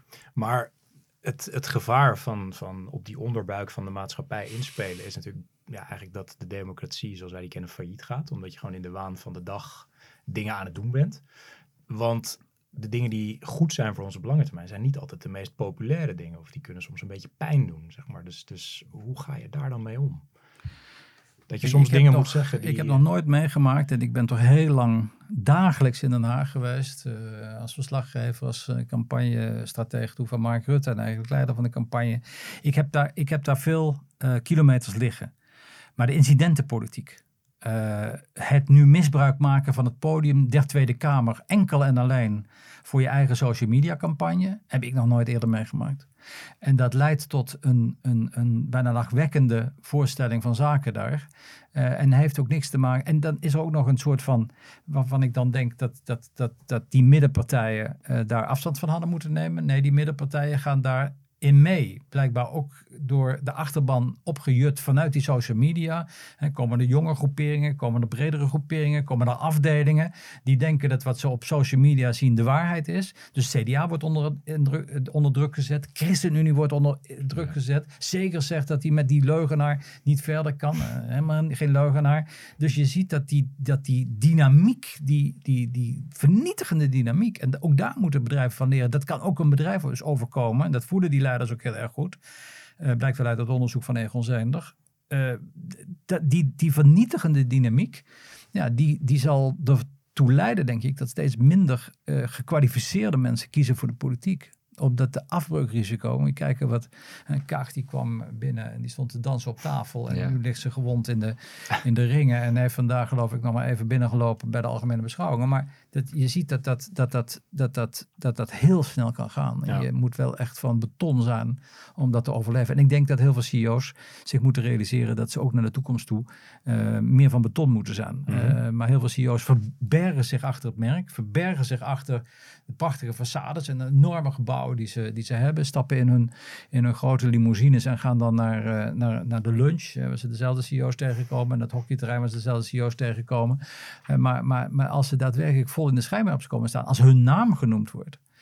dan zie ik wel de paniek compleet is. En dat is ook een van mijn natuurlijk businessmodellen. Dat ik dan gebeld word van help, help, help, help, help de CEO staat in de krant. Ja. Maar dus, dus niet zozeer als het merk wordt aangetast, maar als de naam van de CEO wordt aangetast, dan is alle hens aan dek en dan is er opeens paniek in de tent. En dan is het echt wel te laat. Ja, ergens heel gek. Dat is persoonlijk. Hè? Ja. Dat is niet zo gek. Dat is menselijk. Ja, precies. Ja, dus, iemand met niks menselijk. Is, uh, ja. nee, maar heel veel CEO's kunnen daar heel slecht tegen. Maar je ziet ook dat de persoonlijke aanval uh, op CEO's, uh, dat die steeds groter gaat worden. En dat ook de, de bedreigingen ja. aan het adres van CEO's steeds, steeds groter gaan worden. Het is echt moeten bedreigd worden. Ik weet dat bijna elke CEO uh, een beveiligd huis mm. heeft. een kamer heeft die, die, die, die helemaal dicht kan. Ja. in gepantserde auto's rijden. Dus het is, het, ja, de wereld is wat dat betreft natuurlijk wel heel veel veranderd. Ja, zeker weten. Mooi onderwerp. Maar Gerben zit te popelen om het over iets anders te hebben, volgens mij. Toch? Nou, nee, ik vind het super interessant. We kunnen hier volgens mij nog, uh, nog uren over doorpraten. Alleen hebben we die uren niet. Dus we willen toch ook nog wel een ander onderwerp uh, met, je, met je bespreken. En uh, daarvoor gaan we even terug naar, naar Egon. Je hebt daar 14 jaar gewerkt. Als je nu terugkijkt op die tijd, waar, waar ben je dan het meest trots op? Dat we daadwerkelijk erkend hebben, uh, ook door uh, een eerlijk overcampagne. Ik ben daar ook door alle collega's in de communicatiewereld communicatieman van het jaar 2009 geworden. Uh, dat, was, dat vond ik heel eervol. Mm -hmm. Dat we erkend hebben, er zijn fouten gemaakt. zoals dat bij Apple ook wel gebeurde. We hebben daar excuses voor gemaakt. We hebben de congres over belegd. We hebben excuses gemaakt. Hebben het rechtgezet. het is niemands schuld, denk ik, dat je beleggingspolissen ontwikkelt. Sterker nog, de Consumentenbond die, die, die, die, be, die beloonde uh, dit soort producten met drie sterren. Hè. Ze, geweldig, ja. hè? nu kan daar niet alleen die beleggers gaan mee met de alsmaar stijgende beurskoersen, wat in de jaren negentig het geval was. Maar nu kan ook de gewone man mee, mee profiteren. Wat een geweldige producten. Ja. Dus ook de Consumentenbond, die daarna daar erg stil is geworden, die, die, die, die, die gaf specials uit. Hè, met eigenlijk onze, onze, onze beste uh, aanjager van dit soort producten. Dus, dus het was niet slechte wil. Maar door een ineenstorting van de markt uh, en, een, en een omlaag gaan van de aandelenkoers, kwamen mensen met veel te dure producten te zitten. Nou, dat is hersteld. Dat is te laat hersteld. Maar daarna is het ook goed hersteld. En we hebben ook toen in communicatie dat vertrouwen herwonnen. En toen ik wegging, was de reputatie van Egon ongekend hoog weer. Uh, dus ik, ik, ben wel heel blij dat we door een diep dal bij zijn gegaan, maar wel heel goed daardoorheen zijn gekomen. Uh, op sommige momenten dacht ik ook, moeten we dat merknaam niet gaan veranderen? En uh, ja, is dat ja, nog te ja. redden? Maar het is, het, is, het is gelukt. En nu staat Egon weer uh, helemaal vier bovenaan in alle reputatielijstjes. Dus ik herinner me uit die campagne nog een, volgens mij was het gewoon een een eende in alle landelijke dagbladen. Eerlijk, eerlijk over de woekerpolissen. Met daarin ja, we hebben, dat, we hebben dat toen, hè, je moet niet wrijven in een vlek, maar we hebben toen samen met, met, met jouw kantoor toen nog, met D, een campagne bedacht die toch wel heel eerlijk was. Um, en ja, daar wordt dan wel van gezegd, uh, niet misschien iets te eerlijk. Maar ik ben toch wel heel trots dat we dat toen gedaan hebben. En, Ja. dat, en dat was nog helemaal aan het begin van een excuuscultuur. Nu iedereen geeft excuus. Maar wij waren toch wel even de eerste die toen zei: excuus, dat, dat hadden we zo niet moeten doen. En zeker niet zo lang over moeten doen om dat te corrigeren. Ja. Eh, fout maken, oké. Als het dan Ja. anders uitpakt, moet je sneller handelen. Maar het ging om heel veel geld. Eh, het ging om meer dan een miljard. Dus ja, dan, dan, dan moet je wel even nadenken of je dat eh, en hoe je dat gaat doen. Dus ik snap ook wel. ik heb ook wel geleerd in die jaren. Ik was journalist en ik wilde ook altijd een ja of een nee. Ik heb als directeur communicatie aan de andere kant ook wel geleerd dat de werkelijkheid in een bedrijf veel genuanceerder ligt. En dat er veel meer eh, details zijn die ook meespelen. En dat vraag ik ook aan de journalistiek nu wel, om daar ook iets meer begrip voor te hebben. Ja. Ja. Goed Binnen punt. deze, deze eerlijk over campagne, ik ga de brug gewoon leggen, Ger. Doe hem, maak hem. Heb ik ook in die tijd eh, eh, com- of commercials en, en eh, uitingen gemaakt, eerlijk over de toekomst, eerlijk over Ajax. Eh, want het was ook het tijdperk waarin eh, Egon afscheid nam van het schaatsen. Eh, dat was al zo, zolang als ik me 25 kon herinneren, stond er Egon op, op de pakken van de kernploeg. En ineens was er Ajax, sportsponsoring. Wat, eh, wat heeft dat voor jou betekend in, in je tijd bij Egon? Ik werd toen ik ehm, in 2000 verantwoordelijk werd voor alle communicatie, eh, ook verantwoordelijk voor sponsoring. En dat was eh, in die jaren concreet het schaatsen. Ik had daar geen verstand van. Ik kende alleen Ranger Ritsma en Art Schenk. hè, dus ik wist daar ook echt helemaal niks van. Ja. Achteraf bleek dat een grote pre te zijn, want veel van die sponsorbazen bleken ook erg verslaafd te zijn aan sponsoring. En het is alsof je een drugverslaafde vraagt, wat vindt u van het cocaïnebeleid in Amsterdam? Hè? Dus je moet, je moet op enige distantie daarvan zitten. Maar met dat schaatsen ehm, eh, konden wij ons verbinden met een puur Nederlandse sport, met zeer eh, amabele, toegankelijke sporters die het merk verschrikkelijk veel goed gedaan hebben. We hebben onze relaties en onze klanten eindeloos uitgenodigd om eh, aanwezig te zijn in Tiaf. We mochten daar in die tijd ook nog grote feesten organiseren. En dat was dan maar eenvoudig met, met, met, met worst en met, met zuurkool en, eh, en, en, en een frietje. Maar dat, was, dat waren wel duizenden en duizenden mensen die we naartoe gehaald hebben. Daar hadden we ook nog een hele campagne omheen. Odes aan schaatsers. En wij waren daadwerkelijk de vader van schaatsen. Dus, dus dat was niet alleen een sponsor. Ik weet nog heel goed dat ik toen ik net begon in 2000, Kees Storm, de grootste baas van Egon, mij op zijn kamer uitnodigde en zei: Jan, je hebt geen verstand van sport, je hebt geen verstand van sponsoring, maar laat ik jou één wijze les geven. Ehm, wij sponsoren eh, ten behoeve van de schaatser, niet ten behoeve van Egon. En elke marketeer die bij jou komt en het schaatsen wil misbruiken om producten te verkopen, die schop je onder zijn kont. en, anders, en anders maar naar mij. Ja. Dus ik heb ook die les altijd overeind gehouden. We hebben never of te nooit een product met schaatsen verkocht. Eh, dat was puur. Dat was alleen maar merkenbouw. Ja. Wat ik wel gemerkt heb, is dat de waardering voor die sportsponsoring ontzettend is afgenomen. Dus toen ik begon, was dat schaatsen, dat was heilig. En Egon werd geapplaudisseerd. En je zag in, in, in de merken voorkoude, de merken trouw die je had. En ja, dat, eh, werd ook altijd gedeeld met het reclamebureau. Eh, je zag die cijfers eh, toch wel gillend achteruit lopen. Omdat je ook wist, ja, maar die schaatsers worden ontzettend veel betaald. En, en dan zijn er die beleggingspolissen. Ehm, en toen gingen we ook nog eens een keer Ajax sponsoren. En dat was omdat we over de hele wereld wilden gaan groeien. We wilden in Brazilië, we wilden in milde Europa, we wilden in China. Ja. eh, eh, Egon uitrollen. Het was nog allemaal voor de crisis in, eh, in, in 2008. Dus we hadden enorme ideeën om de wereld te veroveren. En als je dan ergens kwam in China, zei jij, we zijn Egon. En dan zei zo'n premier, ja, sorry, maar hebben geen tijd voor. Maar als je zei, maar we zijn de hoofdsponsor van Ajax, dan ging de rode loper uit. En ik weet nog wel dat we daar met stonden. En we hadden een Ajax-shirt getekend bij ons. En die premier, die pakte dat aan en die heeft het niet meer losgelaten. En naast ons stond de burgemeester van Amsterdam, toen Van der Laan. En die had een Rembrandt-ets en die werd in de hoek gegooid. dus dat, het, het was ook wel, hè, het, het, werkte ook heel erg goed, tot natuurlijk die crisis kwam. Ja. En we, en we, en we daar wereldwijd althans eh, minder aan gehad hebben. Maar in die vijf jaar hebben we wel vier keer het landskampioen gehad. En ja, ook daar ehm, eh, zijn we bezig geweest. En eigenlijk heel me- met succes. Eh, Ajax stond wat als arrogante boek. En wij vonden het heel belangrijk dat het een, een meer maatschappelijk profiel kreeg. En dat we, daar hebben we heel erg samen met Ajax aan gewerkt. En daarna is Ajax ook tot meest maatschappelijke club bekroond. En dat vond ik eigenlijk nog wel belangrijker dan het landskampioenschap. Ja. Maar hoe komt zo'n deal met Ajax dan tot stand? Hoe, hoe, hoe, hoe werkt zo'n proces? Nou, dit was, we zochten iets wat ons wereldwijd op de kaart kon zetten. En het viel van het bord van ABN AMRO af. Ja. Omdat hij toen eh, in de problemen geraakte. Ging niet zo goed En dat daar. ging niet zo Ja. goed daar. Dus het was, eh, het was, het was eh, eh, ja, dat, dat kwam opeens beschikbaar. Ehm, en wij konden dat opeens hebben. En dat kwam op dat moment heel erg goed uit. Want het was natuurlijk toch wel wat Ajax. Waar ik me in vergist heb, eerlijk gezegd, is dat ik bij het schaatsen kon zeggen: eh, Sven, gefeliciteerd.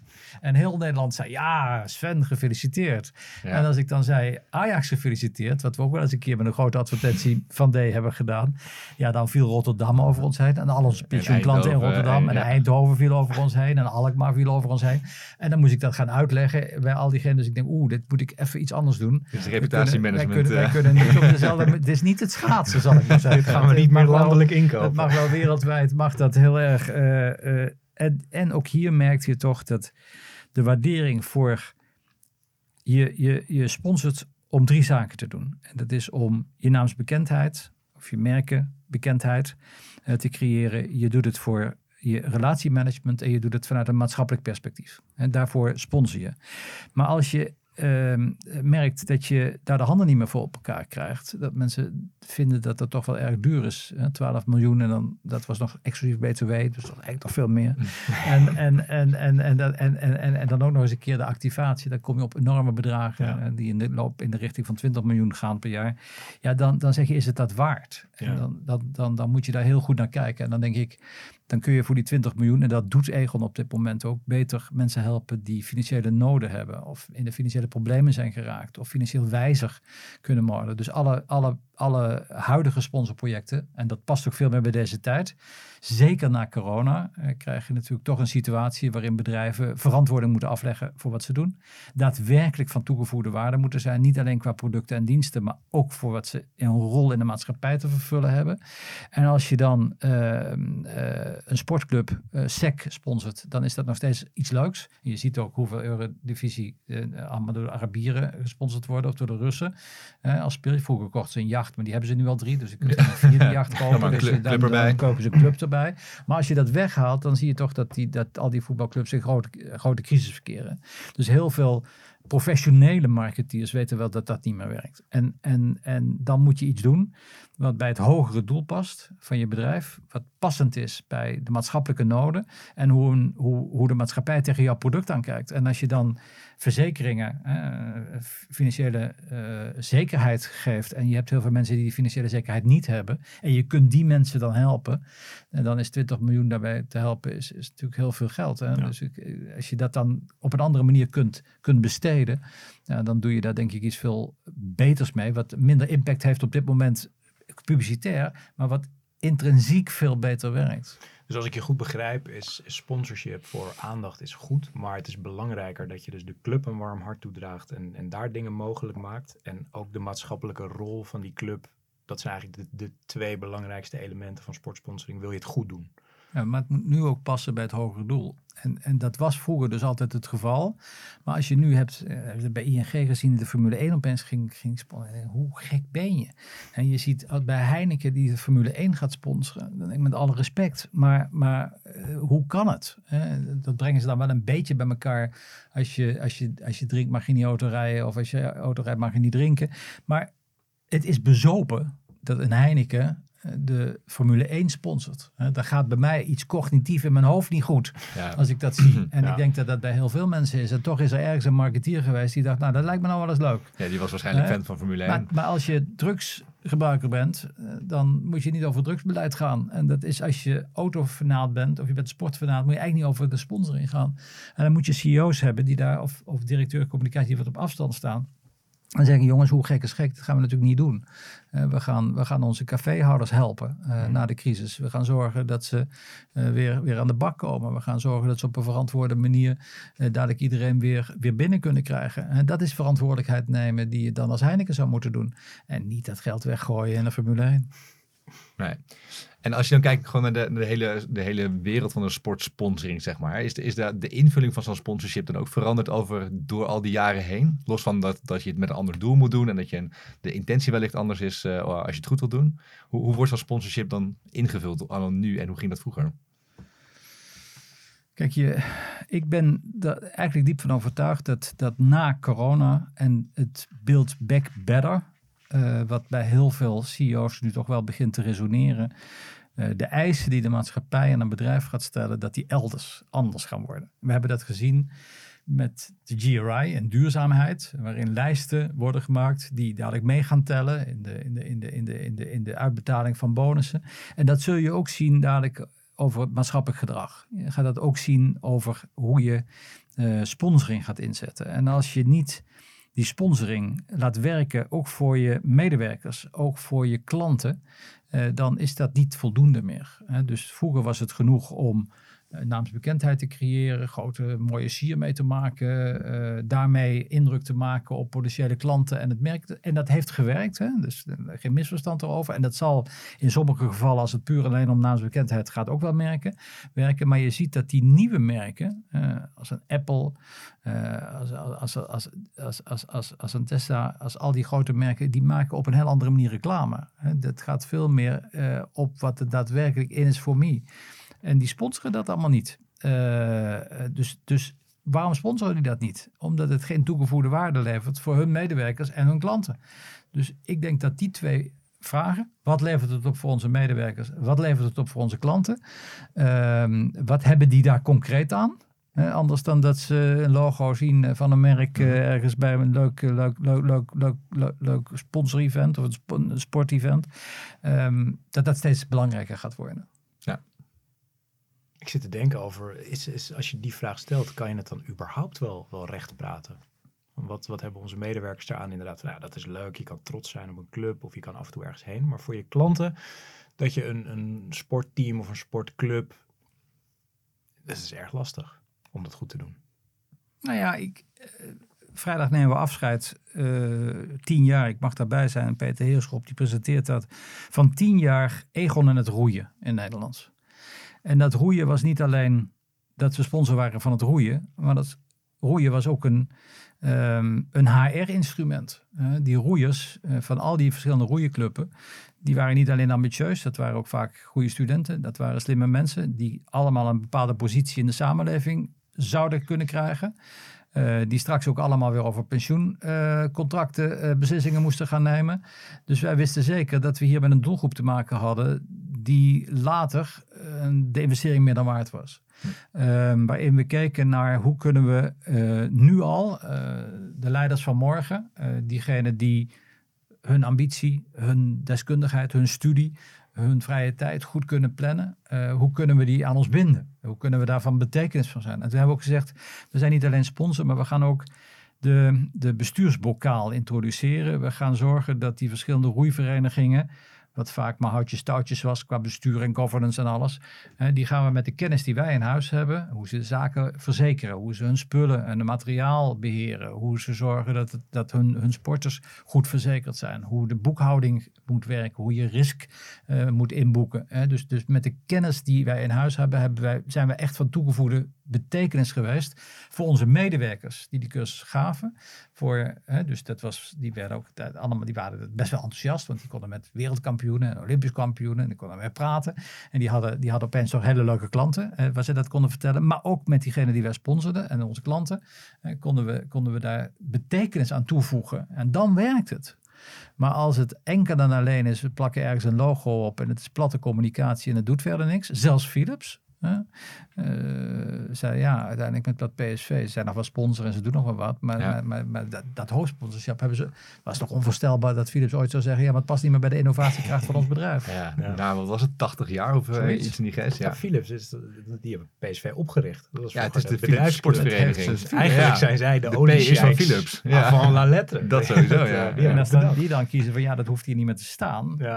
we doen dat op een andere, betekenisvollere manier. We gaan echt die innovatie kijken. We willen echt levens verbeteren. Philips heeft zichzelf qua bedrijf opnieuw uitgevonden. Hè? Dus, dus onder Frans van Houten heeft dat bedrijf als hoge doel gezegd: wij moeten of de mens of de wereld door onze producten verbeteren. dus moet je je voorstellen wat dat een, een filosofie is. Wat, wat dat en, en, dat, en daar heeft hij rukzichtloos in gehandeld. Alles en alle productafdelingen die daar niet aan voldeden, daar is afscheid van genomen.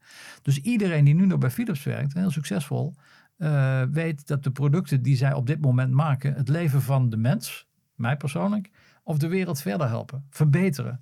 En wat sponsors is op dit moment, ja, dat is de verlichting. Uh, in ieder geval toen ik daar nog de laatste keer naar keek, ik geloof dat dat nu ook afgestoten is. Maar, maar bij kankerpatiëenten, hè, dus in ziekenhuizen, hm. die verlichting was prachtig gemaakt. Ja. Dus hele mooie, betekenisvolle projecten die ze deden. Uh, we hebben ook een project met, met die hartmachines die, die overal hangen.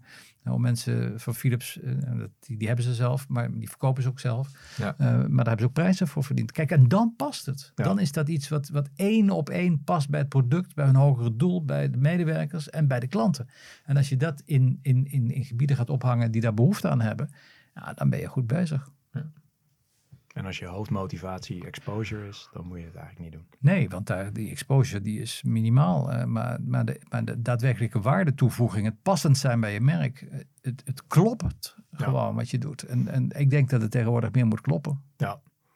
We willen nog even vooruitkijken met je. Ja de komende vijf jaar. We hebben het net al even gehad over alles wat voorbij is gekomen. TikTok kwam voorbij. Um, je hebt mooi uiteengezet wat de bedreigingen zijn voor bedrijven nog steeds. Waar ze in eigenlijk de afgelopen 15, 20 jaar nog steeds geen goed antwoord op hebben kunnen vinden. In de vorm van uh, ja, de, de, de mondige consument gespoord door, uh, door de trollen en, uh, en dat soort gekkigheid. Um, de komende vijf jaar, wat, wat verwacht je dat er gaat gebeuren binnen, binnen ons vakgebied? Uh, ik denk dat, uh, dat bedrijven um, er daadwerkelijk toe moeten gaan doen. En dat je dus producten krijgt die uh, daadwerkelijk van toegevoegde waarde zijn. en dat die het gaan redden. die ik moet willen hebben. En, en daar komt dus een einde aan de push het wordt pool. Uh, ik wil iets hebben omdat mijn vrienden het leuk vinden. Je ziet ook hoe ongelooflijk hard dat gaat als er ergens een trend is. En natuurlijk wordt daar ook geregisseerd in die trends en wordt dat betaald. Maar je ziet hoe snel dat gaat. Wat ik hoop is dat er een einde komt aan de gekte die er op dit moment is. Ik moet iets willen met TikTok. Eh, doe mij eh, content op TikTok. Doe mij iets met gamification. Doe mij iets. En, en de meeste marketingafdelingen weten ook bij God niet waar ze mee bezig zijn. Maak dus, een podcast. Dus, dus maak een podcast. Je hebt echt van die mensen die dat als content doen voor hun eigen bedrijf. Kun je het voorstellen? Bijna niet. En, en, en toch, alles bij elkaar opgeteld, werkt dat alleen maar als je de ketting maakt en niet de losse kralen. En wat ik bij heel veel bedrijven op dit moment als adviseur uh, meemaak, is dat ik zie dat men continu in middelen denkt, continu bezig is in 95% van de tijd zijn al die marketeers en al die uh, in de onderste regio van die piramide zijn ze bezig met middelen, middelen, middelen, middelen, middelen. En al die middelen die gaan net met een andere boodschap, net met een ander kleurtje, net met een ander gevoel de deur uit. Ik heb zoiets leuks gemaakt, ik heb ook iets leuks gemaakt. Ik krijg er een prijs voor. En die krijgen ook nog prijzen. Dus dan, en dan denk je dat je met die prijs, nou dan heb je het helemaal gewonnen. Want een pot nog en toe, we hebben een prijs gewonnen. En, maar dan kijk ik daarnaar en dan denk ik, maar excuus, ik ben gewend om vanuit een net iets hoger perspectief te kijken als directeur communicatie. En dan, dan zie je dat het geen toegevoegde waarde heeft in de keten van al die middelen. En al die verschillende dingen die we nu hebben, um, wetend dat die traditionele vorm van communiceren, het tetteren, het toeteren van een commercial, uh, eindeloos. Uh, we zitten hier in een studio die alleen maar voice-overs doet, geloof ik, van commercials, maar dat werkt toch steeds minder. Uh, dat heeft geen zin meer dus zo, zo krijg je niet uh, een, een, een, merk naar een hoger plan getild, krijg je ook geen merkenvoorkeur meer verder.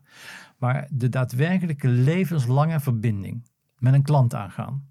Op al die verschillende contactmomenten die een bedrijf heeft. En daar een 10 halen. Want onder die lat kun je niet meer. Ik overdrijf niet. 9,5 is niet meer goed genoeg. Want mijn, mijn, mijn bewondering voor Tesla is zo omdat ik zowel online als per telefoon, en dat heb ik ook met Apple, een 10 heb. Ik kom daar iedere keer, als je binnenkomt in die, in die zaken, het is end-to-end. Het is alles hebben zij in eigen beheer. Eh, en als je daar in die zaak binnenkomt, dan staat er iemand bij de deur die vraagt wat komt u doen. En dat is het product en je loopt de trap op en daar is het product. En als je de deur uitloopt, één minuut later, dan is het betaald en heb je de rekening in je mail zitten. En dat probeert de ABN AMRO dat ook te doen. Die hebben dan ook mensen in een pak bij, met, met een iPad voor de deur staan. Die zeggen, wat komt u doen? Uw naam wordt opgeschreven. Ik zeg, ik kom dit en dat. Ja, dat moet u bij de balie doen. dan moet u daar gaan zitten. Ja. Dus dan denk ik, ja, dat werkt natuurlijk niet. Dat is, dat is dan echt, echt, echt... En daarom worden al die winkels ook weer gesloten door, door de ABN AMRO. Omdat dat niet intrinsiek goed is. Ja. Maar als een bedrijf dat goed doet... eh, Dan denk ik dat ze een kans maken. Een, een levenslange verbindenis met de klant. Op alle relevante contactmomenten. Die klant nooit meer loslaten. Eh, er altijd voor die klant echt zijn. Hè, als ik nu moet bellen met de KLM, ja, dan kun je net zo goed vergeten. Want dat, dat, dat, dat heeft mij grijze haren bezorgd eh, tijdens de coronacrisis. Ik zit er middenin. Hier hadden wij het vanmiddag nog over. En ze doen het, ze doen het met, met, met, met telefoon en ze doen het met, met, met, met WhatsApps en ze doen het op Twitter. Maar contact krijgen is godsondenkbaar. Dus dan denk ik, ja, maar dat gaat dus niet werken. Dus je moet, eh, het, het ligt aan die bedrijven die, een, die intrinsiek deugen, die echt van toegevoegde waarde zijn en die een levenslange relatie met elke klant die ooit contact heeft gehad met het merk. Ik weet zeker dat Apple en, en, en, en Tesla laten mij nooit meer los. Ja. dat, dat gaat nooit meer gebeuren. Dus die, die, die blijven die relatie koesteren en verbeteren. Ehm, eh, en dat zie ik ook in Corendon doen. Ook daar is alles digitaal. Eh Attila Oesloe, die, die, die alles digitaal wil hebben. Die, die, die, die precies de klanten kent. Die precies de voorkeuren van die klant kent. Eh, die weet waar die, waar die klanten willen zitten. Zelfs de, de, de, de, de, soort wijn, of het rood of wit moet zijn. eh, of, of je kroket of friet wil aan boord. Dus al die soort dingen die worden dadelijk bekend. En als je die relatie weet te bestendigen en te optimaliseren en te belonen ook. Die, die klantentrouw die je dan vervolgens hebt een levenslang. Ja, dan ben je spekkoper. Maar dit is, is wij ehm, doen veel ook, ook customer service gerelateerde producten eh, of, of projecten, eh, waar, waar dit deels natuurlijk heel erg aan raakt. Gewoon ook na de verkoop er zijn voor je, voor je, voor je klanten. Als jij bedrijven dit eh, vertelt en adviseert, dan loop je dan niet vaak tegen het, punt aan van... ehm, ja, dat is een heel goed idee, maar we hebben deze afdeling en die afdeling en die afdeling en het gaat niet werken. Dus, dus het, hele Kijk, alles, wat, moet alles Apple gedaan heeft is gejat. Van bedrijven die dat zelf niet konden. Hè, dus op het moment dat je, dat je hier gewoon... naar naar naar naar naar naar naar- naar- ik kan hier elk, elk eh, muziekstuk vinden wat er is. Hè, dat, eh, op Spotify. Ik kan alles vinden. Dat zit op Apple. Dat had Sony natuurlijk ook kunnen doen. Mhm. Maar waarom is het bij Sony mislukt? Omdat ze daar dachten in silo's. Ja. Je had muziek. Je had, je had, je had, je had telefoon en, en cassette recorders. Eh, en niemand die dat met elkaar in, in contact bracht. En je had Elon Musk die zei, nee, zo er op. Ik wil iets nieuws. En zoek het maar uit hoe je het doet. Maar dit is wat ik wil. En ik heb niks te maken met silo's. Als je bij veel bedrijven hierover praat, dan zeggen ze ja, maar hallo, we hebben 16 verschillende computersystemen. We hebben alleen maar oude servers. Wij kunnen dat niet. Hè, dus op het moment dat je na al die. Ik krijg nog steeds brieven van bedrijven waar dan best staat. Geachte heer mevrouw. Geachte heer mevrouw. Ik ben Potjandori 40 jaar klant. En nog weten ze niet wie ik ben. Ja. Hè, dus ja, dan heb je geen relatie. Dat gaat niet. Ik bedoel, je zult de zaak opnieuw moeten opbouwen. Als al die banken geweten hadden dat het interbankaire systeem met van betalingen, dat dat niet werkte. Want iedereen zat met zijn eigen betalingssysteem en met zijn eigen betalingsmuren. En dan komt Adyen en die bedenkt dat ze van San Siro iets opbouwen. En die zorgen dat die verbindingjes tussen die banken lopen. Hè, zodat ik betalingen kan doen. Ja, het is eenvoudiger dan eenvoudig eigenlijk, maar van scratch opnieuw gebouwd. En het, het, is, het is het water laten lopen van het een naar het andere. Maar omdat de Rabobank alleen binnen de Rabobank dacht, de ABN AMRO alleen binnen de ABN AMRO-bank, ING, ING. Hè, dus, en nooit nog, nog, naar, nog zelfs uit het raam gekeken hadden. Ja, is Atja nu eh, meer waard dan al die bedrijven bij elkaar. Ja. Dus, En heel eh, snel ook. En heel snel. Ja. Hè? En dat betekent toch dat je, dat je moet nadenken over wat de daadwerkelijk toegevoegde waarde een levenslang voor die klant is. En niet de kortste slag maken voor één keer verkoop en dan zoek het maar uit. Uh, want dat, dat werkt niet. En ook niet aan, aan, aan window dressing doen. Uh, leuk dat die ABN AMRO mensen in een pak met een, met, met, met, met, een, met een iPad voor de deur zet. Maar als die geen enkel mandaat hebben en, en nul kennis van zaken en het hele systeem wat erachter zit werkt niet. Ja, dan staan ze daar echt voor joker. Ja, zonde. En dat, dat landschap wat je dan schetst en die toekomst die je schetst, daar is data en technologie is onmisbaar. Want anders kun je dat niet, uh, niet organiseren. Maar welke rol speelt creativiteit dan nog in, die, in, de, in, de toekomst van, van communicatie? Super belangrijke vraag. Wat je nu ziet is dat die eerste slag gemaakt wordt in die ICT, in die techniek. Uh, om dat allemaal te verbinden, om dat te bouwen, om die apps te maken. Om mijn, mijn, maar wie zitten daar aan de knoppen? Techneuten. Ja. En ik word dus vragen gesteld alsof ik met de kennis van een techneut dat moet beantwoorden. Ik word daar stapelgek van. Ik schrijf daar columns over. Hoe gek is gek? dus iemand van, ik heb buren van 70, die komen huidend naar mij toe en zeggen, Jan, moet je eens kijken hoe ik dat hier nu moet invullen. Die moeten dat invullen. dat zie je nu gebeuren. De volgende slag zal zijn dat je die techniek, die steeds beter wordt, waar ook grote slagen worden gemaakt. En ik krijg nu eh, eenduidige overzichten. En het werkt ook allemaal beter dan het, dan het tien jaar geleden werkte. Dat mag ook natuurlijk wel. Die inhaalslag wordt gemaakt. Maar dat dat intuïtief beter wordt. Dat dat creatief wordt. Dat je weet hoe ik dat nu precies moet benaderen vanuit een ja, idiot-proof en instant helder moet het zijn. En dat is iets wat op dit moment ontbreekt. En waar creativiteit en tekstschrijvers en communicatie een ontzettende slag te maken hebben. Zodat mijn moeder van 85 moet dat ook kunnen doen. En dat was natuurlijk de, de, de, dat, dat, dat zie je bij visionairs als, als Elon Musk en ook een Steve Jobs. Die zijn en techneut en creatief. En die hebben nog een soort van klantgevoel wat uniek is, waardoor ze altijd zichzelf als klant opstellen en nooit als baas. En, en die combinatie van, van kwaliteiten is, is er bijna niet. Want de meeste CEO's zijn gewoon boekhouders. Excel sheets, procesmanagers. Uh, hebben geen enkele visie. Uh, Sorry dat ik het zeg. Zijn briljante mensen, maar hebben niet die creativiteit. Um, en je hebt techneuten.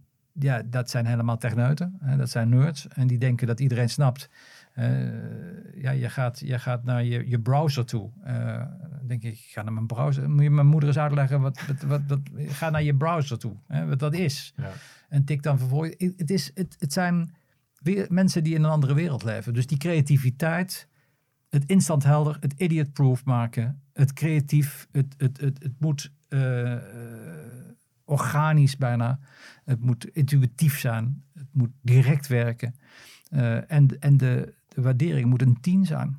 dus uh, daar, moet een enorme slag geslagen worden. Ja. En, en, als je dan kijkt naar welke bedrijven in Nederland doen dit goed dan? Want we, we horen inderdaad veel Tesla en, en, en Apple. Maar... Nou, ik vind, kijk, het is natuurlijk een beetje plat, maar Coolblue, uh, die, die, die, als ik daar iets bestel, uh, dan, dan kom ik binnen en dan zeg meneer Driessen, um, ja, ik ken die mensen niet, maar het staat wel klaar. En ik hoef niet te betalen. Het is betaald. Ik krijg een rekening thuis. Het is met een big smile. En ze komen het ook nog, nog thuis brengen als het moet. Kijk, dit zijn toch wel bedrijven die ook van niks zijn opgebouwd. Maar met een filosofie. Alles voor de glimlach van de klant. En als je alles doet voor de glimlach van de klant. Dan gaat dat bedrijf werkt. De verpakking is. Kijk, het is met die Apple natuurlijk zo. Als je iets uitpakt, dan is dat een feestje. Maar het is bij Coolblue ook zo. En die dozen zijn speelgoed voor de kinderen. Hè? Dus dit, dit, dit, Letterlijk. Mijn zoontje is altijd blij als ik wat bestel. Als je wel, ja, maar dan, dan krijgen ze zo'n. zo'n dan denk ik, van die eenvoudige dingen maar ook hier, ze hebben hun eigen besteldienst gecreëerd. Omdat ze niet afhankelijk wilden zijn van horeca van, van, van de besteldienst. Ze hebben het hier ook weer end-to-end. je bestelt het online, je kunt het ophalen in de winkel, je kunt het thuis bezorgd krijgen. Maar dat hele, al die contactmomenten zijn blijmakend. het is overal blijmakend. Nou, kom dan maar eens op in een traditionele winkel waar de grijn van de muren afdruipt. Ja. Is dit het resultaat van een CEO die klanttevredenheid boven winst heeft gezet? Ja, ik denk dat dat te maken heeft met, kijk, ook, ook een Steve Jobs heeft never of nooit ook maar gedacht. Hè? Dit was die, die afgeronde hoeken. Ja, dat was natuurlijk een, een, een, drama. En dat die icoontjes afgerond moesten worden. En dat dat allemaal prachtig glas moest zijn wat erin kwam. Uh, hij is aan alle kanten natuurlijk door alle marketeers afgeraden om dat te doen. Ehm, eh, je zag het ook bij, bij Unilever. Uh, Polman is alleen maar tegengewerkt door zijn eigen mensen, door zijn eigen marketeers. Hè. Hij wilde echt verduurzamen. Hij had al die 90 uh, verduurzaamheidsplannen. Uiteindelijk is daar ook toch weer die aandeelhouderswaarde weer teruggekomen. maar hij wilde dat daadwerkelijk tot stand brengen. En hij is daar nog steeds voorloper in. Nou, DSM was ook die weg op het gaan en, en maakt dan een uitgeleider dat ze een paar miljoen moeten hebben om een hoofdkantoor in Maastricht te krijgen. En dan denk ik, ja, hoe dom is dom? en opeens zit er een procesmanager die dan, die dan zegt, ja, maar we hebben recht op die subsidie. en dan denk ik, ja, lieve schatten, hè, jullie hebben nu de, de, de waarde van, van die subsidie, ik geloof dat het 3 miljoen ging over dat hoofdkantoor, heb je in een veelvoud heb je je merknaam vernietigd. Ja. dat, wat allemaal is opgebouwd onder een andere CEO. En dan denk ik, ja, dat is heel erg jammer. En als je dat dus niet verstaat, als je de tijdgeest niet verstaat, je bent niet van toegevoegde waarde, je hebt niet die klantrelatie voor het leven, ja, dan krijg je het erg moeilijk tegenwoordig. Lijkt me een mooie afsluiter van het interview. Ja, bijna. er is één vraag die moeten we gewoon gesteld hebben niet over het vak, denk ik. Maar ik denk dat, dat dit best wel eens de laatste keer kunnen zijn dat Gerben en ik iemand ontmoeten die zowel Nelson Mandela als de Dalai Lama in person gesproken heeft. Uh, wat heb je van, van een van deze uh, uh, mannen, of misschien wel van allebei, geleerd in, in de gesprekken die je met ze hebt gehad, wat je nooit meer vergeten bent? Ik mocht naar Zuid-Afrika toen Nelson Mandela na 30 jaar uit de gevangenis kwam. Hij was toen nog geen president, hij was chairman of the ANC. En ehm, hij werd daar toen door de parlementaire delegatie eh, vanuit Nederland, uh, en daar maakte hij ook tijd voor, voor het eerst ontvangen. en ik heb hem daar geïnterviewd. Ehm, ik versprak me. Ik zei, want ik wilde iets vragen en ik, ik, ik, ik, maakte fout met de naam. En, um, en dat deed ik twee keer verkeerd. En hij zei, nee, dat geeft helemaal niks. Doe maar rustig aan. Um, en dat werd een heel diep en persoonlijk interview waarin hij ook uitlegde. Want het ging toen toch ook wel over uh, de moord op Stompie. dat was een, een Truth and Reconciliation commissie, waar ik ook verslag van deed onder leiding van Tutu, uh, waarin zijn vrouw terecht stond. Toenmalige vrouw nog van hem, Winnie Madikizela Mandela. En uh, daar werd beschuldigd dat Stompie, een van die vrijheidsstrijders van het ANC, in hun huis als verrader vermoord was, tegen de muur gegooid. En ik had uh, in de week daar voorafgaand, uh, of daaromheen, Winnie Madikizela gesproken. Uh, in Johannesburg, in Soweto, in, in, in, in het squattercamp, echt. Ze hadden wel een mooi huis, maar het was toch wel, ik moest daar wel met beveiliging naartoe. En daar had zij erkend, ook op camera dat die moord gepleegd was. En ze, het is een andere tijd. Wij waren, wij waren in oorlog. Waren, en daar vallen slachtoffers bij. Dus hij erkende dat. En toen, toen, toen heb ik dat ook aan hem gevraagd. En hij erkende ook dat dat een andere tijd was. En dan zie je wel de waardering voor Mandela nu. Maar ik zag ook zijn ogen verstarren. En de hardheid in die ogen komen. Toen denk je, ja, maar ooit is dat natuurlijk toch ook een hele harde vrijheidsstrijder geweest. Die ja, ook moord niet, niet, niet, niet, niet ontliep. Uh, en ook vuile handen heeft gekregen. En dat kan denk ik ook niet anders. Maar de manier waarop hij ja, uit die strijd tevoorschijn is gekomen. 30 jaar lang. Je voelde ook de waardering van iedereen om hem heen. Um, uh, en jaren later, ik denk, nou geen jaren later, kan ik geen jaren later, kwam ik hem tegen toen ik de, Ruud Lubbers volgde in Davos. En wij kwamen al glibberend door de sneeuw het pad op en hij kwam al glibberend het pad af. En toen zei hij, Ah, Dutch TV, you didn't remember my name. dus, uh, dus, dus, dus jaren later zei hij nog, uh, wat ik, ik noemde hem de klerk, nu weet ik het weer. En, en dat, ik wilde vragen wat hij vond van een uitspraak van de klerk eerder die, en dat was de, president op dat moment. Ja. ja. En ik, Mr. de Klerk, zei ik. En, en, hij kwam dat pad aflopen en zei hij, ah, Mr. de Klerk. Dus, en dat natuurlijk in combinatie met, met, met, met, met, met Lubbers zal hij dat wel bedacht hebben. Maar ik dacht, hoe frappant is het, hoeveel interviews zou hij gehad hebben. En dat hij in die tijd mij nog herinnert als diegene die die naam verkeerd gezegd had. ja. heel mooi. Uh, Jan, dankjewel. Veel lessen in deze show. Uh, mooie inzichten, mooie verhalen. Um, deug als merk. Deug als merk, de conclusie. Um, tot slot, jij hebt ook een mooi boek geschreven, A Story to Tell. Ja, dat gaat over uh, uh, al die ontmoetingen ook met Clinton en ook met, met, met, met andere de aarde, die, die wij toch wel tot voorbeeld hebben gestrekt. Dat staat er allemaal in. als je een verhaal te vertellen hebt, dan kun je een merk bouwen. En dan moet het verhaal zijn, en dat was de story to tell, dat was een quote van, van, van Bill Clinton. Ehm, wat we ook van de politiek kunnen leren. Wat we uh, als merk moeten doen in deze tijd. Het staat er allemaal in. En uh, voor de luisteraars naar deze, als ze naar jullie site gaan, we hebben er tien, zal ik bij jullie laten bezorgen, die jullie mogen weggeven. En dan Gek. zet nou, ik er nog graag iets in. Hartstikke mooi. Dankjewel. Jan, dankjewel.